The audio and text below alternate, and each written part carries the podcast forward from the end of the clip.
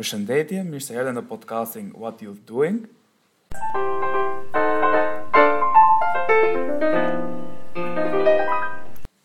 Ky është episodi i 11 i podcastit What Youth Doing dhe tematika e sotshme është të rinjtë dhe ideologjitë politike. Sot të ftuar kam profesor Sokol Lleshin, i cili është lektor në Universitetin e New York Tiranës, i shkencave politike. Faleminderit profesor që na u bashkuat sot. Faleminderit Kledi për ftesën. Tematika e sotshme fokusohet tek të rinjtë dhe ideologjitë politike me një fokus në Shqipëri.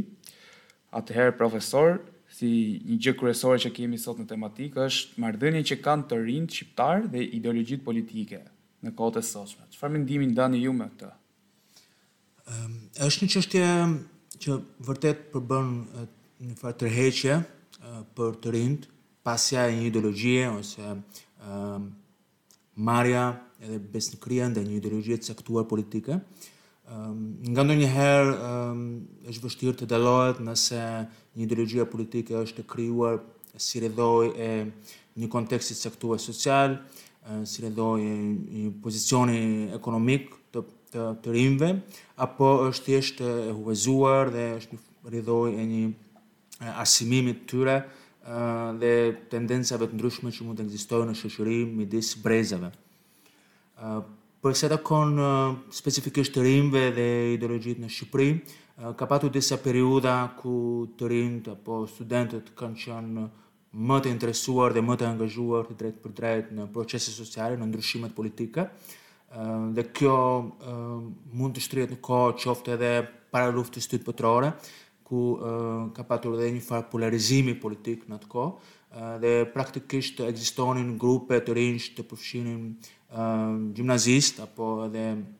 më të rinj, më të rritur të rinj, që praktikisht mbështesnin ideologji të kundërta, ideologji radikale të majta, komuniste, por sikurse edhe të rinj të cilët i përkisnin një trashëgimie arsimimi dhe kulturore pak më konservatore apo pak më europiane, që vinin nga kolegje të caktuara françeskane apo nga gjimnaze të caktuara me një farë tradite në qytete të Shqipërisë, në Shkodër, që themeluan grupe të rinjsh të me ideologji antikomuniste apo me ideologji më kombëtariste se të rinjtë e tjerë të të njëjtit brez. Dhe për të vazhduar më tej pas luftës së dytë botërore, ideologjia ishte më tepër një koperturë ose më mirë një strukturë e krijuar nga një sistem totalitar dhe i mbivendosur, po themi, në zgjedhjet apo synimet e të rinjve. Pra, të rinjtë kishin një ideologji të caktuar, po nuk është se kjo ideologji vinte si rrjedhojë e zgjedhjeve të tyre, sikurse mund të ekzistonte edhe një farë kundërkulture Brenda Shqipërisë komuniste në vitet mbase në vitet gjashtëdhjetë apo në vitet shtatëdhjetë ku në grupe më të vogla të rinjsh në grupe më të ngushta me më shumë besim ndaj njëri-tjetrit ata ndërtonin një kornizë ose një mënyrë të kuptuar të botës përkundër asaj ideologjie zyrtare që ekzistonte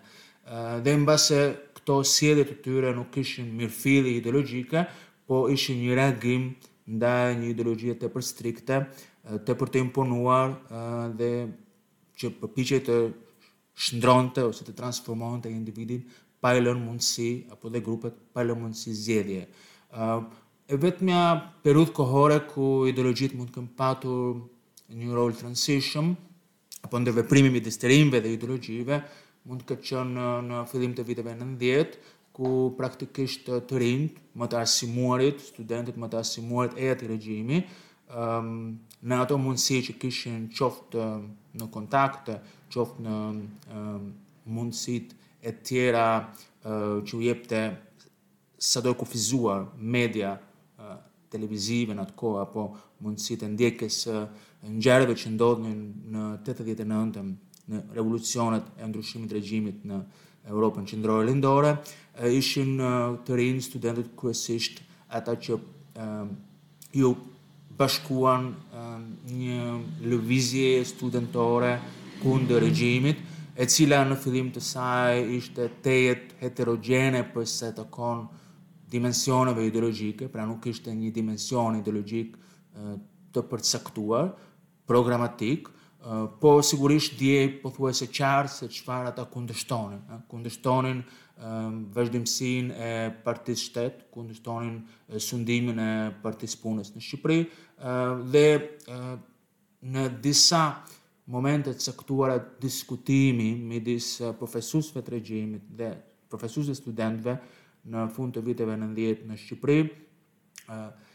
Këta përfaqësues të të rinjve u tentonin gjithashtu të shmangnin edhe etiketimet të konsideruara reaksionare nga regjimi apo etiketime të konsideruara ekstremit të djathtë, sikurse edhe të shmangnin atë konservatorizëm që ekzistonte në diasporë. Pra, përpiqeshin të gjenin një rrugë të mesme anti-regjim, sa ishte e mundur të lejohej brenda asaj kornize ideologjike me një farë guximi. Dhe varianti ose momenti i dytë, po themi një lëvizje masive dhe angazhimi politik të drejtpërdrejtë të studentëve ose të rinjve në Shqipëri nga universitete të ndryshme apo nga flukse të ndryshme ideologjike deri diku, është lëvizja studentore ose lëvizja e studentëve për ndryshimin e ligjit të arsimit të lartë në dhjetor të 2018-ës dhe për çështje të tjera që lidheshin me sistemin arsimor. Këto janë dy momente pak më kulminante të angazhimit të drejtpërdrejtë politik, qoftë me një kundërshti ndaj një ideologji ekzistuese, qoftë një kombinim botëkuptimesh të ndryshme, po nga ana tjetër do veçoja që nga ndonjëherë um, është një tundim shumë i madh për të rinjë që të përqafojnë një ideologji të caktuar dhe ta konsiderojnë atë si të vetmen mundësi botëkuptimit të realitetit. Faleminderit profesor. Duke vazhduar më tej çka ju thatë, do të kap fokusin tek lëvizja studentore e viteve 90, e cila u pasua, u pasua me pluralizmin politik dhe kemi parë që Partia kryesore e atëhershme, që ishte Partia e Punës, u reformua në Partinë Socialiste, e cila është dhe sot në pushtet. Dhe më pas kemi dhe krijimin e partisë opozitare që është momentalisht Partia Demokratike. Këto dy parti janë në ideologji të kundërta me njëra-tjetrën. Partia Socialiste proklamon që është një parti e së majtës, ndërsa Partia Demokratike është një parti e së djathtës. Dhe kemi parë që ka një interes nga të rinjtë për t'u angazhuar në këto parti, për t'u bashkuar forumeve rinore, por problemi është këta të rinj a janë vërtet të interesuar tek ideologjitë politike që kanë këto parti, domethënë i bashkohen për shkak të ideologjive që ato kanë, apo thjesht i bashkohen për shkak të interesave që mund të kenë, ose thjesht prej familjes ose prej përkrahjes që kanë në mendime. Është një pyetje me vend, um, praktikisht um, motivimet e angazhimit politik të të rinjve janë të ndryshme. Është e vështirë të thuash nëse dominon një motivim i caktuar uh, krahasuar me të tjerë. Po um, nga ato që ju sa parashtruat, nuk besoj se mund të përjashtojnë njëra-tjetrën, pra mund të ekzistojnë motivime mirëfilli ideologjike, Dhe kjo do kërkojë, besoj, individë të cilët kanë një arsimim të caktuar dhe i përkasin një grupi shoqëror që ka një dimension qoftë kulturor, qoftë social dominant dhe të interesuar për botën ose mënyrën për të ndryshuar realitetin përmes angazhimit politik, konsiderohet si një motivim i mjaftueshëm, në mos i vetmi, për përfshirjen në parti politike në Shqipëri. Po edhe kudo. Po mund të jenë edhe motive të tjera, të cilat janë me fillje ekonomike ose individuale, duke konsideruar angazhim politik apo karrierën politik si një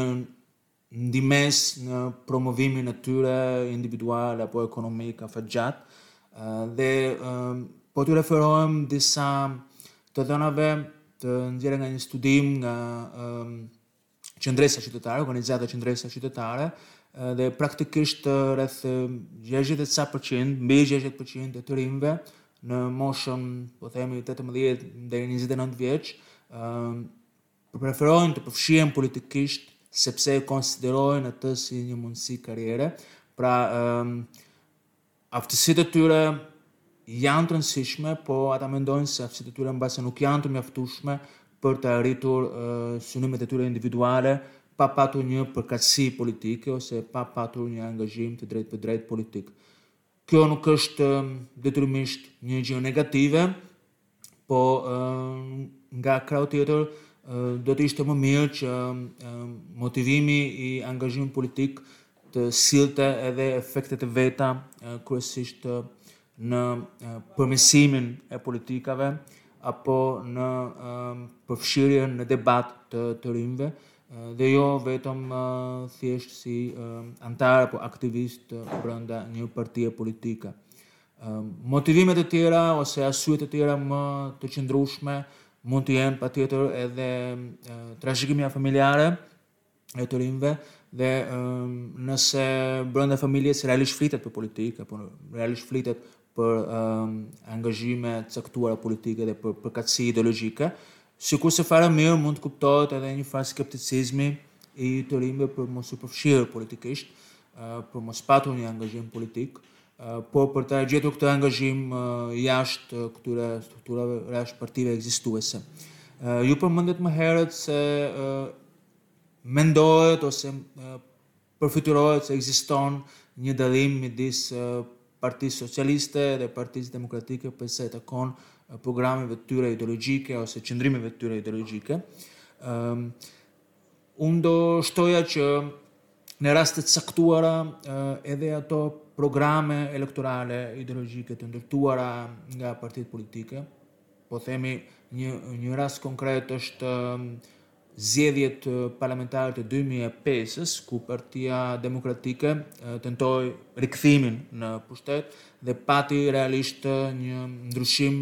programor ose një bazë programore shumë herë më të qëndrueshme, më afër pozicioneve të qendrës djathtë se sa ekzistonte më përpara në mes të viteve 90 apo në fillim të viteve 2000. Dhe për Partinë Socialiste ndodh pothuajse e njëjta formë transformimi ku në 2009-ën Partia Socialiste ndoqi një fushatë elektorale Përtej majtës dhe djathtës, që ishte me idenë përkundër establishmentit ekzistues politik në Shqipëri, me idenë e mobilizimit të shtresave të ndryshme shoqërore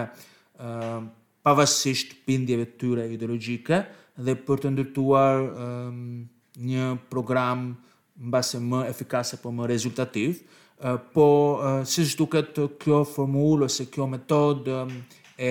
mobilizimit politik të të rinjve apo dhe të moshave të tjera nuk rezultoi efikase për ato zgjedhje, sikurse pati edhe disa kundërshti në zgjedhjet elektorale, po në 2013-ën i rikthehet, po themi,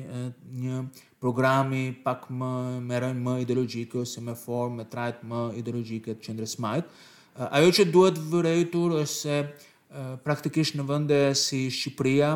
të cilët kanë procese të zhvillimit ekonomik në qendër dhe të transformimit për t'u anëtarësuar në Bashkimin Evropian dhe duke qenë për një kohë të gjatë nën mbikëqyrjen e institucioneve ndërkombëtare, siç është Fondi Monetar Ndërkombëtar, siç është Banka Botërore, në pjesën më të madhe të rasteve, në momentin që këto parti janë në drejtimin e qeverisë, detyrohen të ndjekin disa politika ekonomike ose disa programe më të standardizuara që kërkojnë një transformim rrënjësor dhe që ky transformim rrënjësor kryhet përmes një sërë reformash, siç është privatizime, siç janë forma të tjera të ndërhyrjes ose kombinimit private me publiken dhe kjo do të nënkuptonte një heqje dorë ose një dobësim të asaj forme ose atij identiteti ideologjik paraprak të ndërtuar gjatë fushatës elektorale. Në shumë raste, një pjesë e madhe e reformave të ndërmarra në Shqipëri janë strukturuar nën ndikimin apo kushtëzimet e institucioneve ndërkombëtare, kryesisht reformat ekonomike, po edhe ato reforma që lidhen me administratën, që lidhen me rritjen e kapaciteteve shtetërore, që lidhen me fuqizimin e shoqërisë civile, nuk burojnë detyrimisht prej komunitetit shqiptar, po burojnë prej institucioneve ndërkombëtare dhe kushtëzimeve që vendosin ata drejt një procesi transformimi të demokracisë dhe institucioneve të tjera qeverisëse në Shqipëri. Pra, kjo mund të jetë një një kufizim ose një pengesë e mbështetjes detyrimisht vetëm në ideologjitë strikte ose në ato ideologji bazë standarde që ne mendojmë për qendrën e majtë apo për qendrën e djathtë. Nga ana tjetër do thoja që jo çdo parti e qendrës majtë apo jo çdo parti e qendrës djathtë këtu në Shqipëri mund të jetë e ngjashme me një parti simotër në qendrën e majtë apo qendrën e djathtë në Europë apo në një vend tjetër. Pra, në disa dimensione mund të ketë vërtet rëndësi nëse përbëjnë thelbin e pasjes së një ideologjie të majtë, po themi çështje mbi barazinë, mbi aftësi të tjera të shtetit për të ndikuar në fuqizimin e individëve apo grupeve të caktuara sociale përmes shtetit të mirëqenies, po i majtë mund të jesh edhe nëse mbështet disa identitete të caktuara kulturore përkundër një tradite më konservatore. dhe nga ndonjëherë ne tentojmë t'i veshim partive politike një farë trajte ideale se si ata duhet të jenë dhe si si ata veprojnë, po mund të mendohet edhe e kundërta që një shoqëri shqiptare relativisht jo e aktivizuar, jo e fuqishme shoqëri civile, me pak rrënjë në organizata të tilla si sindikatat apo grupe të tjera të interesit që kanë mbështetës të tyre, jo thjesht ekspertokraci brenda një shoqërie civile. Në këto kushte kur nuk arrin shoqëria vetë të ndërtojë mekanizma presioni ose trysnie, qoftë të rinj apo Po edhe kryesisht të rinjtë nuk arrijnë të ndërtojnë um, mekanizma presioni për ndryshimin e politikave, qoftë mbi bazat e disa ideologjive të caktuara që ata përqafojnë, um, është e vështirë të presësh që partitë politike të ndryshojnë. Um, në një raport të uh, kohëve të fundit uh, publikuar nga um, Kongresi Rinor Kombëtar, e cili ka qenë një organizatë mjaft aktive bashkë me organizata të tjera për të ndërtuar një strukturë më të përgjithshme që përfaqëson të rinjtë në Shqipëri dhe ishte ndërtuar me sa di një një hap i parë ligjor apo legjislativ dhe ishte kërkuar prej organizatave rinore të ndërtonin përveç Kongresit Rinor Kombëtar që është strukturë ombrellë, të ndërtonin dhe një organizatë tjetër apo një strukturë tjetër dhe nuk pati të interesuar. Pra nuk pati të interesuar që mund të jenë për shumë arsye, mund të jenë për arsye ekonomike, mund të jenë për arsye impenjimesh të ndryshme, po mund të jetë edhe një çështje që nuk e konsiderojnë mjaftueshëm të vlefshme këtë lloj strukturimi të interesave të tyre të të rinjve për të ndikuar në politikëbërje, pasi mund të zgje-, mund të zgjedhin mekanizma më të shkurtër ose thjesht të mos jenë të përfshirë drejtpërdrejt në në vendimmarrje. Faleminderit për përgjigjen profesor. Dhe siç thatë ju, të rinjtë shqiptarë mund të themi që mund t'i kemi në, në dy grupe. Ata të rinj të cilët duan të angazhohen politikisht dhe mendojnë që mund të sjellin një ndryshim me angazhimin e tyre, por është dhe pjesa tjetër e të rinjve të cilët nuk shohin ndonjë shpresë për ndihmuar ose për sjellë një ndryshim me anë të politikës dhe fatkeqësisht këta vendosin që të largohen nga vendi, duke lënë një boshllëk shumë të madh tek rinia.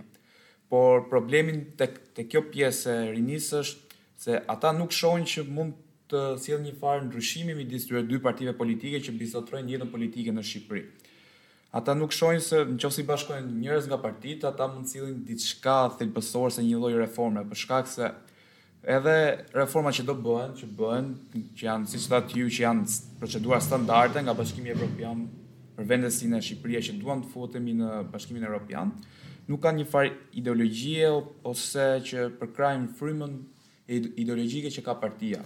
Por problemi thelbësor është që të rinjtë nuk shohin asnjë asnjë shpresë tek këto dy parti, pjesa e të rinjve të cilët duan të largohen domethënë. Si mendoni ju pse ndodh kjo gjë domethënë? Kjo është një çështje që është diskutuar besoj mjaftueshëm apo tepër edhe në debatet tjera publike apo në forume të tjera, pse të rinjtë preferojnë të largohen, po nuk e di nëse këto emigrimet e të rinjve janë realisht afatgjata apo afatshkurtra, sepse mund të ketë edhe një dallim këtu, mbase të rinjtë mund të preferojnë të largohen për një mundësi më tepër dhe për t'u rikthyer sërish në vendin e tyre. Arsyet mund të jenë të ndryshme, arsyet mund të lidhen me mosbesimin që ata kanë që mund të ndryshojnë gjërat në këtë vend, mund të jenë arsye thjesht individuale, sepse praktikisht nuk jemi më ajo Shqipëri e izoluar e fund viteve 80, apo edhe më kohë më përpara, praktikisht ne jemi të përfshirë në një um, ndikim shumë herë më të gjerë nga globalizimi, nga procese të ndryshme uh, që ndodhin uh, në rajonin tonë, që ndodhin në uh, Bashkimin Europian, po uh, edhe në në rendin ndërkombëtar, sikurse uh, fare mirë të gjithë Sot, që është gati një vit nga pushtimi i Ukrainës, kemi angazhim të drejtpërdrejtë dhe manifestime të drejtpërdrejta në shumë kryeqytete dhe kryeqendra të Europës dhe vende të tjera në botë për këtë. Dhe kjo si rrjedhojë e një procesi ku barrierat midis kombeve e vendeve janë pothuajse shuar, janë pjesë të përfshirë në mekanizmin e gjithë këtij globalizimi. Dhe praktikisht mund të jetë një arsye pak më e qëndrueshme ose deri diku më bindëse mund të jetë fakti që të rinjtë ndjehen më të fuqizuar si rrjedhojë e mundësive që u jepen në një botë më globale. Dhe nuk është e thënë që ata duhet të me patjetër të shfaqin besnikërinë e tyre në çfarëdolloj mënyre ndaj vendit të tyre apo atdheut të tyre, pavarësisht se ato mund të konsiderohen një farë sakrifice ë individuale. Po ë në pjesën më të madhe të rasteve po të vërehen të dhëna mund të kuptohet që ekziston një mosbesim Në institucionet politike ekziston një mosbesim ndaj parlamentit, ndaj partive politike, sikurse nga krahu tjetër, ajo që më tërheq nga një pjesë e të dhënave është se fakti që në Shqipëri pjesa më e madhe, po mbase edhe kudo, pjesa më e madhe e të rinjve informohen përmes medias sociale, po form platformave të ndryshme të mediave sociale dhe një numër shumë i vogël i tyre informohen mes miqve, mes grupeve të tyre të cilët i përkasin. Kjo mund të sjellë një farë atomizimi apo individualizimi të tepërt dhe një zbehje të lidhjeve më të ngushta të grupeve ose kundërkulturave që mund të ekzistojnë në, në Shqipëri. Dhe duke mos patur një rrënjë më të qëndrueshme sociale në Shqipëri të kultivuar, kjo mund të jetë edhe një arsye për t'ua lehtësuar vendimin e largimit afatshkurtër apo afatmesëm në mos afatgjatë nga vendi. duke marrë në fokus pjesën e burimeve apo momentin domethënë kur njerëzit informohen, të rinjtë informohen rreth politikave apo partive apo thjesht ideologjive politike, do doja të përkurreshin domethënë se cili është burimi që ju mendoni që të rinjtë marrin më shumë informacion rreth ideologjive politike, domethënë a është për shembull social media një platformë shumë e madhe kur ata ose radikalizohen ose mësohen rreth ideologjive politike, se për shembull kur kam qenë në shkollë, në gjimnaz dhe në nëntëvjeçare, pjesa e ideologjive politike nuk është prekur asnjëherë nga kurrikula. Për shembull, në qytetari unë mund thjesht të kem prekur bazat e demokracisë ndoshta, dy tre gjëra shumë të vogla, por asnjëherë nuk kam marrë gati një edukim ose një informacion rreth ideologjive politike. Çfarë çfarë mendimi keni ju për këtë gjë? Në fakt, nuk besoj se ideologjitë politike janë ato që duhet të shpjegohen ose të jepen brenda një institucioni arsimor, qoftë mesëm apo i lartë. Pra, duhet të ketë një ndarje ose një shkëputje nga preferencat politike ose preferencat ideologjike të individëve dhe asaj çfarë diskutohet, trajtohet dhe shpjegohet brenda një institucioni arsimor. Pra nuk mund të ketë një farë ideologjizim të dijes. Ne kishim dhe patëm një përvojë të ideologjizimit të dijes brenda dhe gjatë regjimit komunist. Sigurisht dhe brenda asaj periudhe ka patur momente ku është eksperimentuar me forma të tjera më tolerante ndaj studimeve që nuk ishin mirëfilli ideologjike, po në të shumtën e rasteve dhe si traditë studimet, diskutimet ishin të ideologjizuara dhe ishte shumë e vështirë të ndaje realitetin nga ajo që ishte e e manipuluar. Ëm është e vërtetë që tendenca në gjimnaze apo në universitete për të krijuar një qytetari të angazhuar politikisht apo qytetarë të cilët janë të informuar për um, proceset politike, për proceset politike, sociale në vend, në rajon, në Europë apo në shkallë më gjerë, do duhet të kenë disa njohuri mbi ideologjitë e ndryshme politike apo transformimin e tyre, qoftë edhe rëndësinë ose zbehjen e rëndësisë të ideologjive politike në kohët e sotme. Po kjo mund të jetë pjesë e asaj që ju përmendët e kurikulës për qytetarinë dhe këtu duhet të jepet me patjetër në mënyrë të barabartë pa ndonjë anim ideologjik apo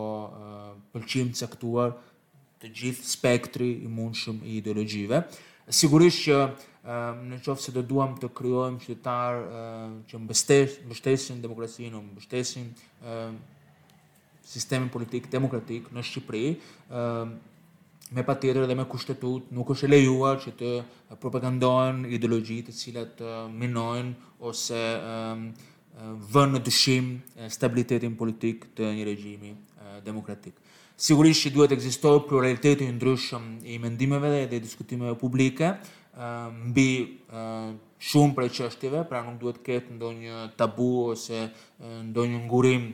për të diskutuar mjaft çështje nga perspektiva të ndryshme ideologjike, po kjo duhet të jetë, po themi në sfond, dhe ajo që duhet të jetë më e rëndësishmja është që arsimimi kundrejt një sistemi vlerash të caktuara në mbështetje të demokracisë konsiderohet si një bazë më e mirë për një qëndrueshmëri të sistemit politik në afatgjatë dhe jo vetëm në pritje të sa efikas është një sistem politik për të sjellë të mira materiale për individët. Pra, ekziston nga njëra anë mospërmendja e një ideologjie e cila është në bazë të këtij arsimimi qytetar. Pra, pavarësisht se uh, është përdorur në Gjermaninë e pasluftës së dytë botërore ajo që konsiderohet demokracia militante, që nënkupton shfrytëzimin e sistemit arsimor për të indoktrinuar deri diku të rinjtë ose brezat të rinj me një sistem vlerash në mbështetje të demokracisë. Dhe këtu ajo që mungon është që këto sistem vlerash reflektojnë ideologjinë liberale. Po kjo nuk shprehet në mënyrë drejtpërdrejt, nuk është tejet eksplicite, nuk është tejet e pranuar, sepse konsiderohet që në një shoqëri tolerante, liberale, ajo çfarë ka rëndësi janë procedurat, mënyrat e diskutimit në mënyrë të barabartë, e angazhimit të shumë individëve, pavarësisht nga traditat e tyre, pavarësisht nga prejardhja e tyre. Dhe ky pluralitet Është në bazë të kësaj forme të arsimimit qytetar. Po në, në, në realitet, në thelb, në një origjinë intelektuale, është në bazë të vetë ideologjia liberale. Dhe nganjëherë ne nuk i japim emrin e duhur një sendi, sepse praktikisht i marrim të mirëqenë që këto fenomene ose këto procese tashmë janë përbrendësuar tek individët, dhe është një praktikë jetësore dhe angazhim politik reale, po themi në pjesë më të madhe të shoqërive dhe pjesërisht në Shqipëri. Mbase kjo mund të jetë një arsye që ideologjitë e tjera nuk trajtohen në mënyrë të drejtpërdrejtë ose nuk trajtohen në mënyrë të plotë, um, qoftë edhe për t'u informuar, sepse mund të konsiderohen si një kundërshti ose si një mekanizëm uh, magjepës i të rinjve përkundrejt asaj që duhet të marrin në mënyrë më të standardizuar këto vlera qytetare brenda një ideologjie që nuk shprehet se cila është, por që praktikisht është ideologjia liberale. Duke marrë fokusin tek ideologjia liberale, Kam vënë re që të rinjtë sot, mbas periudhës së diktaturës, mbas periudhës së komunizmit, kanë një tendencë për, për, për të përqafuar më shumë ideologjitë liberale. Do të thotë, mund të jenë ideologji e majtë liberale ose e djathtë liberale, por kjo është në shkallë shumë të lartë. Domethënë, a ka ndikuar një periudha totalitare, jo vetëm në Shqipëri, por edhe në Europë, periudha e për ideologjive totalitare, komuniste ose fashiste në vende të ndryshme të botës, për këtë brez të ri që ta shohë me një sy tjetër ideologjitë politike, të jetë më përkrahës i ideologjive liberale, t'i lërë mënjanë ideologjitë autoritare ose ato konservative, ndoshta, si mendoni? Po, ky është një këndvështrim interesant, nuk është se unë e kam menduar mjaftueshëm këtë çështje. Po për të bërë një përcaktim në liberalizmin por si ideologji. Pra, kur themi liberale, nuk kuptojmë ideologjinë liberaliste. Liberalizmin. Um, pse disa të rinjë preferojnë këtë lloj ideologjie, mbase se kjo lloj ideologjie i mundëson ata të jenë më të pavarur, ose vendos në qendër individin dhe preferencat e tyre, dhe mund të jetë sikurse ju e përmendët edhe një kundër reagim ndaj një farë fanatizmi ideologjik i cili vendos në qendër një komunitet që mund të jetë kombi, mund të jetë adhurimi ndaj shtetit, mund të jetë adhurimi ndaj një komuniteti të një tradite tejet të ngulitur po mbase arkaike, dhe këto identifikime në bazë grupi, identifikime në bazë më të gjerë sesa individi, më të gjerë sesa një komunitet njerëzish të ndryshëm, mund të përbëjnë një kufizim në sjelljen dhe mundësitë e individëve dhe për kundërreagim, si kundërlëvizje, mbase përqafimi i liberalizmit, ideologjisë liberale është një një mundësi ose një zgjedhje më e përshtatshme për të rinjtë. Po nga krahu tjetër, për sa i takon përkatësive të të rinjve, përkatësive politike të të rinjve, sipas sondazhit të kryer nga World Values Survey, që është një sondazh i kryer në disa raunde pothuajse njëkohësisht çdo disa vite, duke marrë edhe dallimet brenda brezave, vihet re që në përkatësitë politike të të rinjve janë pothuajse të ndara në mënyrë të barabartë midis dy partive më dominante në Shqipëri. dhe mund të jetë që përkatësia politike ose besnikëria ndaj një partie politike e cila shfaqet kryesisht gjatë zgjedhjeve nuk është se është në kundërshtim me një sjellje apo me një kulturë më individualiste, më autonome, e cila i jep mundësi të rinjve të kenë edhe një angazhim politik të drejtpërdrejtë, por edhe një kundërkulturë deri diku nga ato praktika sunduese në Shqipëri. Duke marrë fokusin tek këto dy parti që dominojnë jetën politike shqiptare, neve dëgjojmë shpesh nga populli që këto dy parti nuk përfaqësojnë fare ideologjitë politike që thonë, por vetëm interesat e tyre të përbashkëta, ose që Partia Socialiste nuk përfaqëson klasën klasën punëtore ose klasën e cila është e mesme ose e varfër dhe Partia Demokratike nuk përfaqëson klasën e, e bizneseve, njerëzit që merren me tregti apo klasën e tyre që përfaqëson sipas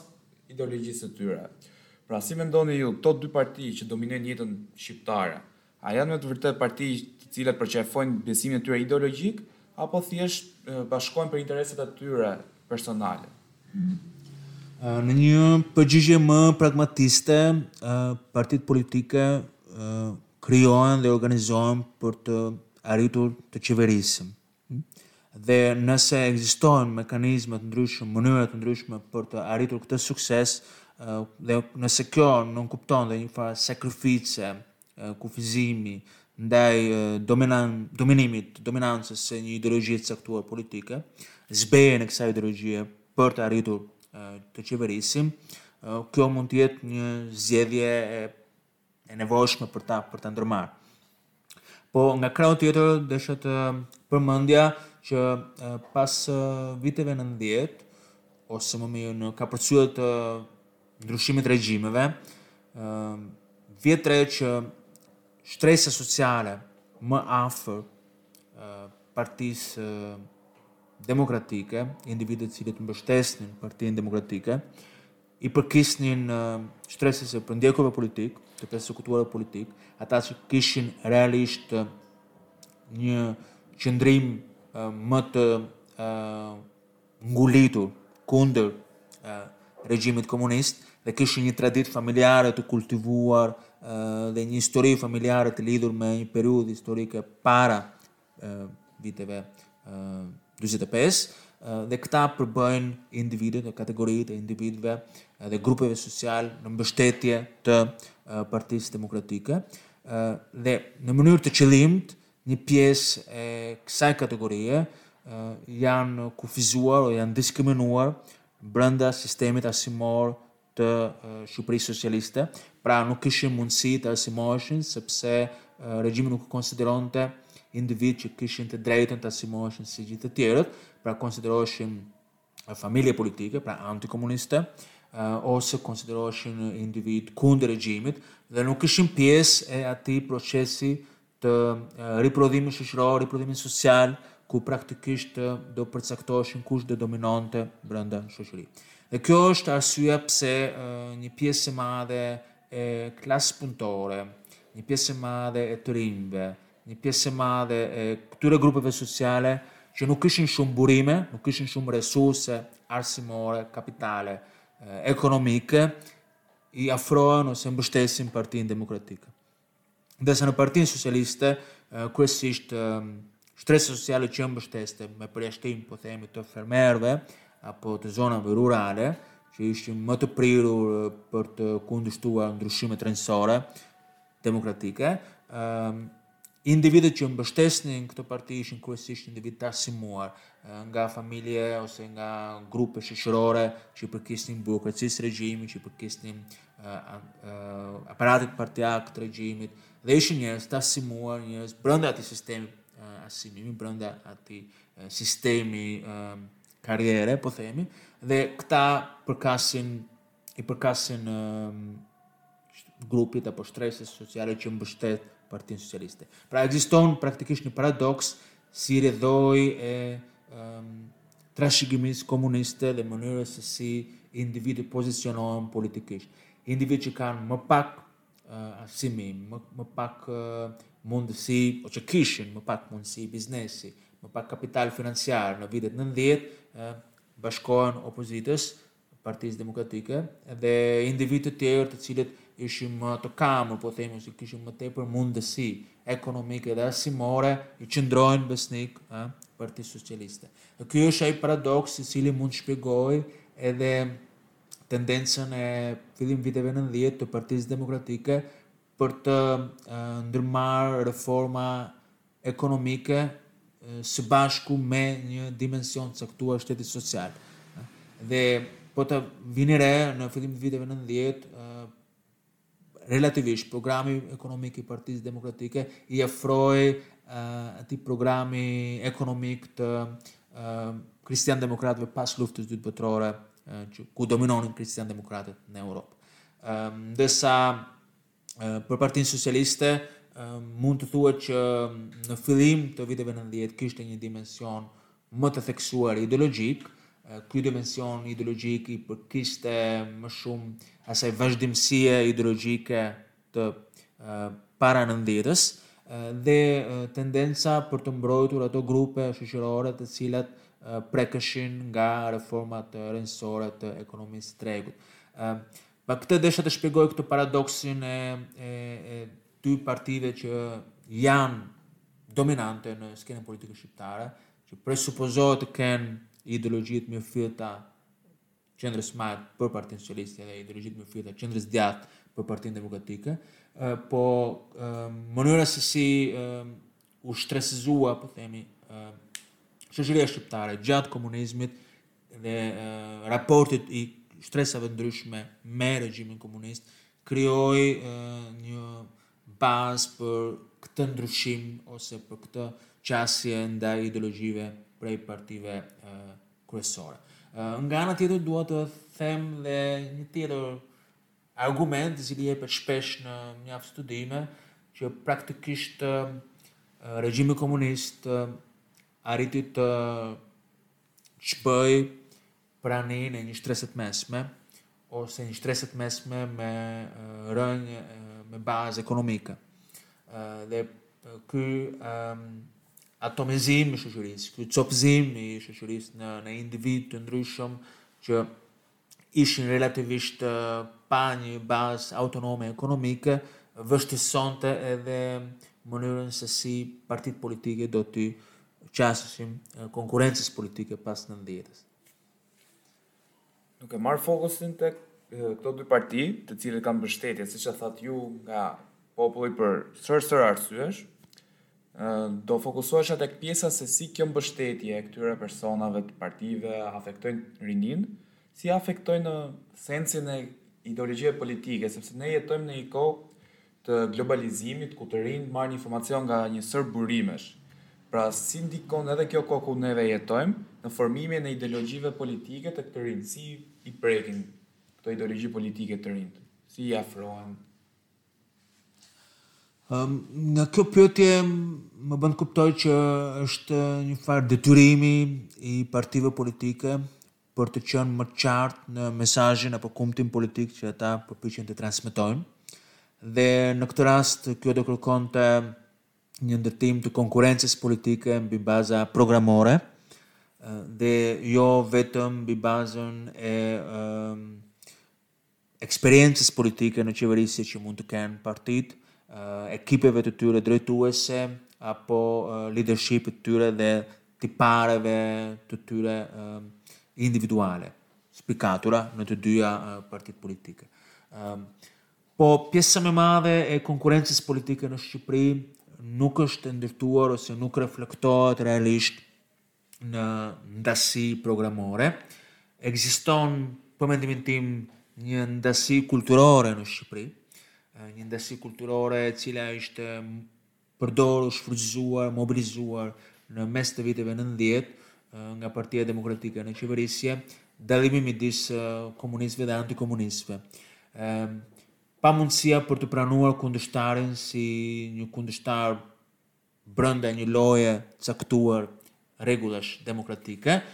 po për ta etiketuar atë, për ta konsideruar atë si të pabesueshëm dhe si të pavlefshëm ose që nuk meriton të qeverisë në një vend, pasi nuk i përket një ideologjie të caktuar apo nuk i mbështet në një perspektivë të caktuar ideologjike. Në mes të viteve 90 ekzistoi një farë polarizimi politik ose kundërshtie politike mbi baza kulturore, ku qeverisja e Partisë Demokratike nisi një fushatë e ashtuquajtur drejtësi tranzicionale, po tejet e politizuar dhe duke mos e konsideruar Partinë Socialiste si një opozitë reale ose një kundërshtar normal brenda atyre rregullave të demokracisë në atë kohë. Ë po ta vini re edhe tani ekziston sërish një farë uh, polarizimi politik, apo qoftë e ndërtuar në mënyrë artificiale, qoftë edhe i mobilizuar për arsye të lidershipit, po ne harrojmë dhe diçka tjetër që nuk është se ka patur realisht në Shqipëri një proces transformimi të brendshëm të partive dhe ndryshim të elitave politike brenda partive politike. Dhe kjo mund të jetë një pengesë ose nuk mund të përbëjë një nxitje reale të të rinjve për t'u angazhuar politikisht në këtë sistem politik ekzistues, në këtë formë që ai është. Ëm a duhet të ndryshuar diçka në mënyrën se si të rinjtë kuptojnë realitetin përmes ideologjive? Ëm mendoj që është një farë obligimi i partive politike për të tejçuar mesazhe të cilat njohin sistemin e konkurrencës politike brenda një vendi demokratik, pranojnë kundërshtarin,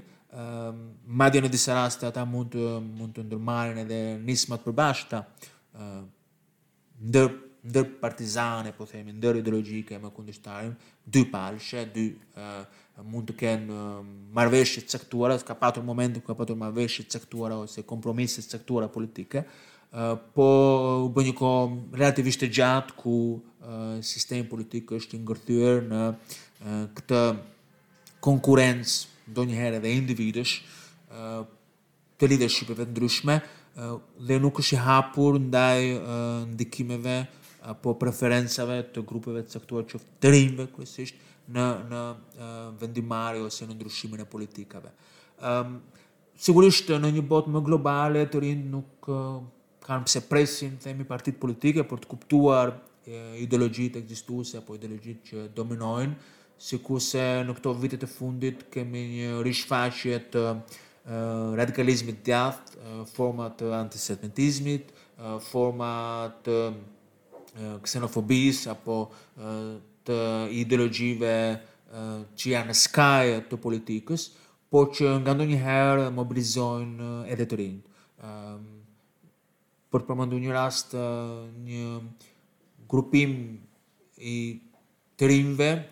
hungarezë përfshirë në një strukturë partiake të re, një parti të re e cila krijohet nga 2011-a 2012-a këtej, mbase edhe më herët me struktura, me baza brenda shoqërisë civile në Hungari, me një ideologji radikale të djathtë, me një farë antisemitizmi dhe anti-roma të shprehur, dhe ato ndërtojnë një strukturë, një parti Jobbik, e cila shfrytëzohej nga Orban, kryeministri prej dy mijë e dhjetë e deri tani në Hungari, i cili drejton relativisht një një qeveri jo demokratike, pra një sistem politik atje është një sistem i një autoritarizmi elektoral, në kufi të një regjimi autoritar. Dhe praktikisht Orban shfrytëzonte diferencën ideologjike midis konservatorizmit nacional të Fidesz të partisë së tij me partinë Jobbik, e cila ishte me rrënjë në një shtresa shoqërore në periferi të zonave kryesore urbane, po njëkohësisht tepër aktivë në mobilizimin e tyre, në rrënjët e tyre në në shoqëri. Dhe për vite të tëra, për disa vite, madje të organizuar edhe në struktura paramilitare deri diku, ata ndërtuan një ideologji në skajë të politikës. Pra, nga ndonjëherë edhe të rinjtë mund të përbëjnë, mund të tundohen, po themi nga ideologji të tilla, ë dhe ë është një gjë krejt e e natyrshme e këtyre kohëve, po themi, sado që relativisht e rrezikshme për sistemet demokratike, ë dhe praktikisht përmes globalizimit dhe marrjes së informacioneve të ndryshme, individët mund të kenë farë të rinjtë, fare mirë mund të mund të kuptojnë ose mund të huazojnë, po themi, ideologji të tjera dhe të përfshihen në struktura të tjera. Duke marrë pjesën që ka një rritje të ekstremit të djathtë ose ideologjive të djathta, jo vetëm në Shqipëri, por edhe në Europë, Mund të themi si për shembull në Hungari që proklamohet si qeveri e djathtë, kemi në Poloni, në Çeki, në Itali që fitoi edhe Xhorxha Meloni, në Francë është opozita që është një opozitë e djathtë që është shumë e fortë. Kemi edhe në Suedi që është fituar dhe për herë të parë mas shumë kohësh është fituar koalicioni i qendrës së djathtë. Pra neve kemi një ndryshim nga një e majtë në një të djathtë gati në pjesën më të madhe të Europës. Si mendoni që kjo do e ndikojë rininë në ideologjitë politike? Çfarë roli do luajë ky ndryshim që po ndodh? Është e vërtetë që ka patur disa qeveri që tashmë drejtohen nga parti të së djathtës radikale. Megjithatë në rastin e Çekisë dua të bëj një, një parashtrim që në fakt aty ka patur një parti politike që vinte jashtë sistemit politik, jashtë sistemit të konkurencës politike nga partitë politike dominante pas viteve të revolucionit 1989, ku dominonin socialdemokratët në Republikën Çeke dhe partia ODS, partia që vjen nga opozita kundër regjimit, parti konservatore e djathtë. Këto parti kanë qenë herë pas here në qeverisje, në disa raste edhe në koalicion me njëra-tjetrën, janë sfiduar nga parti që vinin brenda këtyre partive dhe janë shkëputur prej tyre dhe vetëm nga 2011-a e këtej pati shfaqjen e një partie përtej të majtës dhe të djathtës, po themi, në Republikën Çeke, e cila mbështetet në një farë populizmi teknokratik. Pra, nuk na interesojnë shumë sipas tyre diferencat ideologjike, nuk na interesojnë shumë identitetet politike. Çdo uh, gjë është e realizueshme përmes uh, një besueshmërie që duhet të kemi ndaj teknokracisë, ndaj administratës, ndaj ekspertëve, Pra edhe edhe pasja e një perspektive teknokratike nënkupton në vetvete një farë ideologjie, ideologjia e, e individëve që janë shndërruar në biznesmenë të suksesshëm vetë, ideologjia e individëve të cilët i përkasin një kaste të caktuar intelektuale, por që nuk kanë përkatësi ideologjike të qëndrueshme, po thjesht kërkojnë që Sistemi politik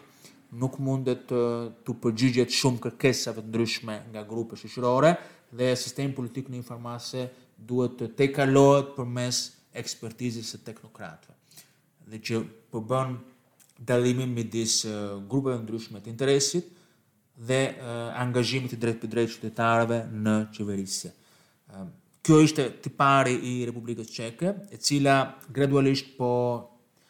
Çimentohej, po themi, po po stabilizohej si një parti tepër e qëndrueshme që njihet me emrin ANO në Republikën Çeke dhe tashmë prej zgjedhjeve të 2020-s apo 2021-shit zgjedhje parlamentare dhe zgjedhje presidenciale së fundmi në Çeki u arrit të përmbyset kjo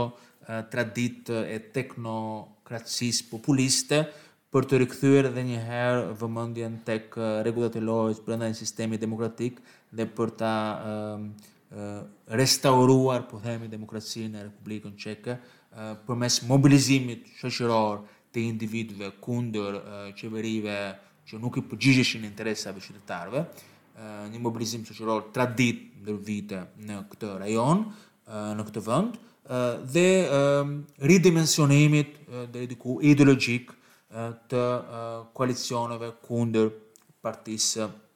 dominante në atë kohë në qeverisje të ANO Babish, që ishte drejtuesi atëherë dhe që konkurroi së fundmi për president, në Republikën Çeke presidenti zgjidhet në mënyrë të drejtpërdrejtë dhe u mund nga kundërshtari tjetër që ishte përzgjedhur nga koalicioni i qeverisjes aktual. Më tej desha të vërej që në fakt kemi një rritje të fuqizimit politik të populizmit me ka nga radikalët e djathtë, po në rastin e Melonit, në rastin e Italisë, vihet re të paktën në deklaratat publike të saj, që shumë prej zotimeve dhe angazhimeve ideologjike të ndërmarra gjatë kohës së opozitës, që ishin relativisht shqetësuese për demokracinë në Itali, tashmë janë zbehur ose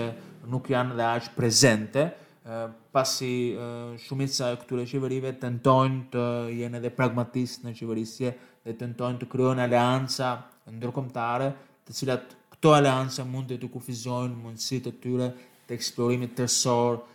dhe shfrytëzimit tërësor të asaj ideologjie antidemokratike që ata mbështesin.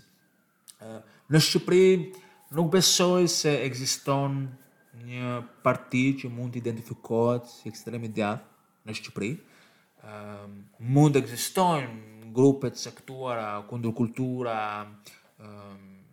blogje, struktura të tjera jo fort publike që mund t'i përkasin një ideologjie jo demokratike, Po nuk mund të identifikohet një parti e caktuar që i mbështet një ideologji populiste të majtë apo populiste të djathtë radikale në Shqipëri. Është e vërtetë për rastin e Suedisë, ku kemi për herë të parë një koalicion midis një partie të moderuar, një partie që ka qenë prej vitesh në atë vend parti qeverisëse, relativisht qendër qendër e djathtë, me një parti radikale të djathtë që konsiderohen demokratë në emërtesën e tyre. Ëm a ndikohen të rinjtë nga këto ideologji? Nëse të rinjtë shfrytëzojnë media sociale si të vetmin burim informacioni dhe nëse informacioni që merret është pa një filtër të caktuar kritik dhe individët që janë Përballur me këtë lloj informacioni nuk janë fort arsimuar, atëherë këto informacione, këto të dhëna mund të rrisin një identifikim më tepër me ideologji të tilla.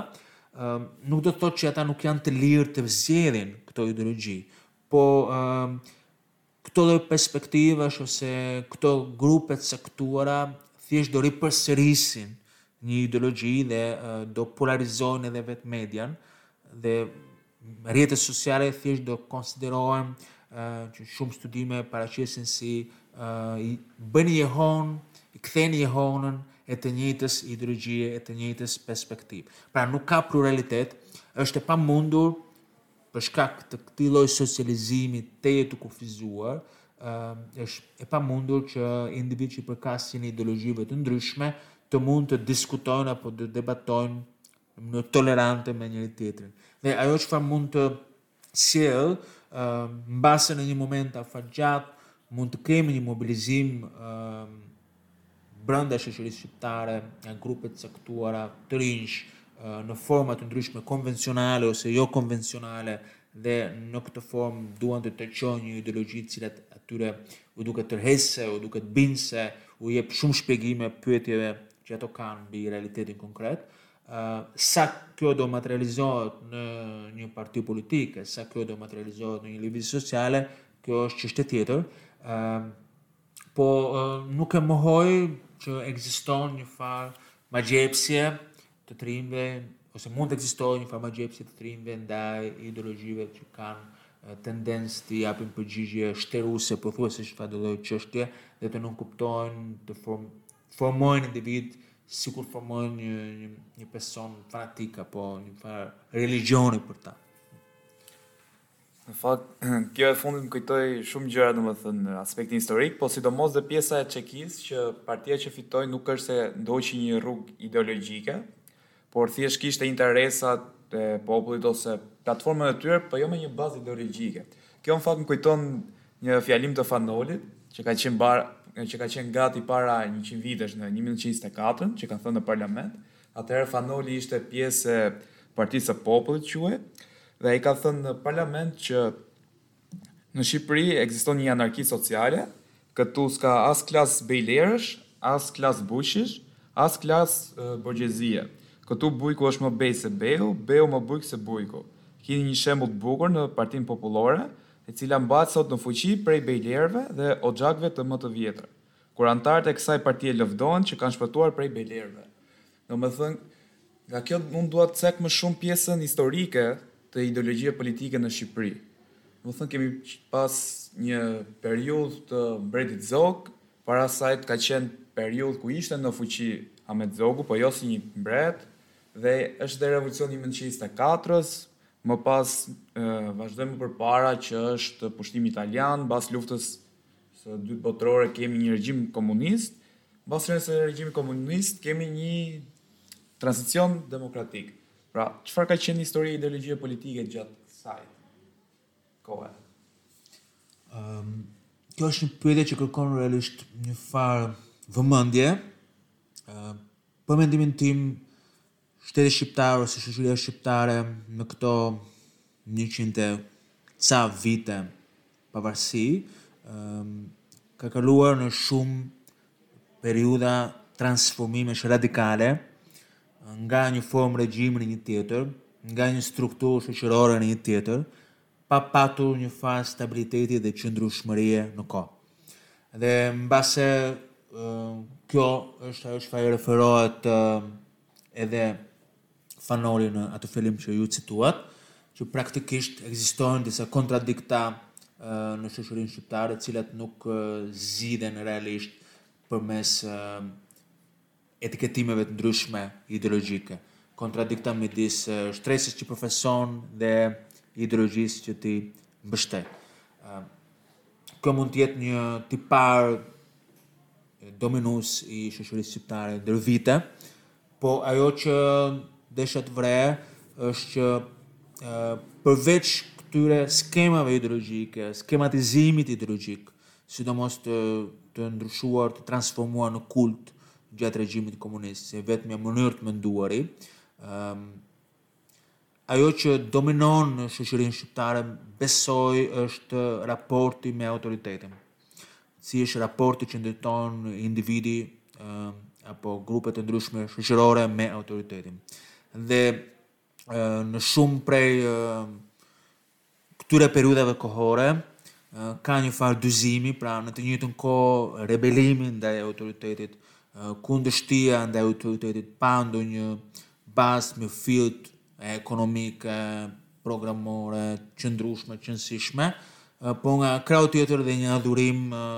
pa skaj, pa cak ndaj po të njëjtit autoritet. Dhe Ky dimension kulturor i raportit ose ndërveprimit midis shoqërisë shqiptare dhe sistemit politik besoj është i qëndrueshëm ose në vazhdimësi prej vitesh. Ndërsa për sa i takon ideologjive që mund të kenë dominuar në periudha të caktuara kohore, arsyet mund të jenë të ndryshme pse kanë dominuar disa apo jo disa të tjera ideologji, po besoj që në rastin kur bëhet fjalë për një shtresë sociale që ka qenë dominante në shoqëri, siç është periudha midis dy luftërave botërore, ku personat të cilët kishin pronësi, të cilët kishin një trashëgimi familjare, deri diku edhe një vazhdimësi në trajtën e një familjeje më të zgjeruar apo fisnore të ashtuquajtur dyer të mëdha, këto individë kamuflonin ideologjinë, pra këta nuk, nuk kishin një ideologji që mund të identifikohet drejtpërdrejt me ta. Po, sundimi i tyre konsiderohej diçka e natyrshme, konsiderohej si diçka pjesë e vazhdimësisë historike në Shqipëri dhe për këtë arsye është shumë e vështirë të mund të identifikoje një ideologji prezente apo të pranishme të qartë, të standartizuar brenda atyre platformave politike të tyre. Thjesht konsideronin sundimin e tyre të natyrshëm, pra s'kishin nevojë ta justifikonin, ta përligjnin me ideologji. Ose mund të përdornin traditën, ose mund të përdornin norma të tjera të traditës shqiptare ose forma të ndryshme të nacionalizmit për të ndërtuar atë strukturë ideologjike. Ndërsa një tjetër çështje që është relativisht shumë për mos thënë e çuditshme, po kërkon, kërkon njëfarë shpjegimi, është që se si Elitat sunduse në Shqipëri në periudhën e midis dy luftërave dhe sidomos në momentin kur ideologjitë totalitare dhe kryesisht ideologjitë fashiste po merrnin njëfarë hovi, si elitat kulturore në Shqipëri bien pre e këtij tundimi, si arritën të mbështesin një ideologji fashiste pa patur realisht një një kuptim se çfarë ndodhte brenda një sistemi të tillë. E njëjta gjë edhe për kultivimin e ideologjisë komuniste në Shqipëri. Mbase për disa grupe të ndryshme rinore mund të ishte një çështje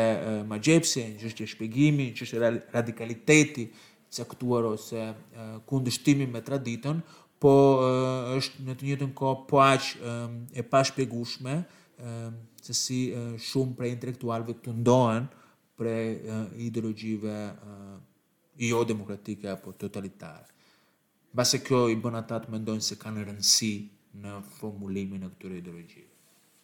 Unë do doja të ndalesha edhe më shumë te kjo pjesë, por ideja është që ora nuk është në anën tonë dhe do fokusoja te pjesa e pyetjeve nga Instagrami. Neve kemi marrë shumë pyetje, por unë do bëj ato që më tërhoqën më shumë. Dhe një nga këto pyetje është, a jetojmë në një kohë ku nuk ka më luftra ideologjike? Dhe nëse përgjigjja është po, atëherë çfarë impakti ka kjo mbi dëshirën për ndryshim? Po, kur patëm diskutuar më herët dhe kur pata lexuar platformën e kësaj bisede, ideja e anës pozitive të pasjes së një ideologjie politike ishte për të ndryshuar realitetin. Dhe nëse ekziston tashmë një epokë tjetër ku kemi tejkalimin e këtyre konkurrencave ideologjike ose ndasive ideologjike, mund të duket sikur ekziston një një epokë postideologjike, Po në krahun tjetër, ajo që mund të ketë ndryshuar, mund të ketë ndryshuar valenca e sistemit të vlerave që i përkasin ideologjive të caktuara. Nëse tani fokusi është në mbrojtjen e ambientit, mbrojtjen e mjedisit, ekzistencën e njerëzimit në në glob,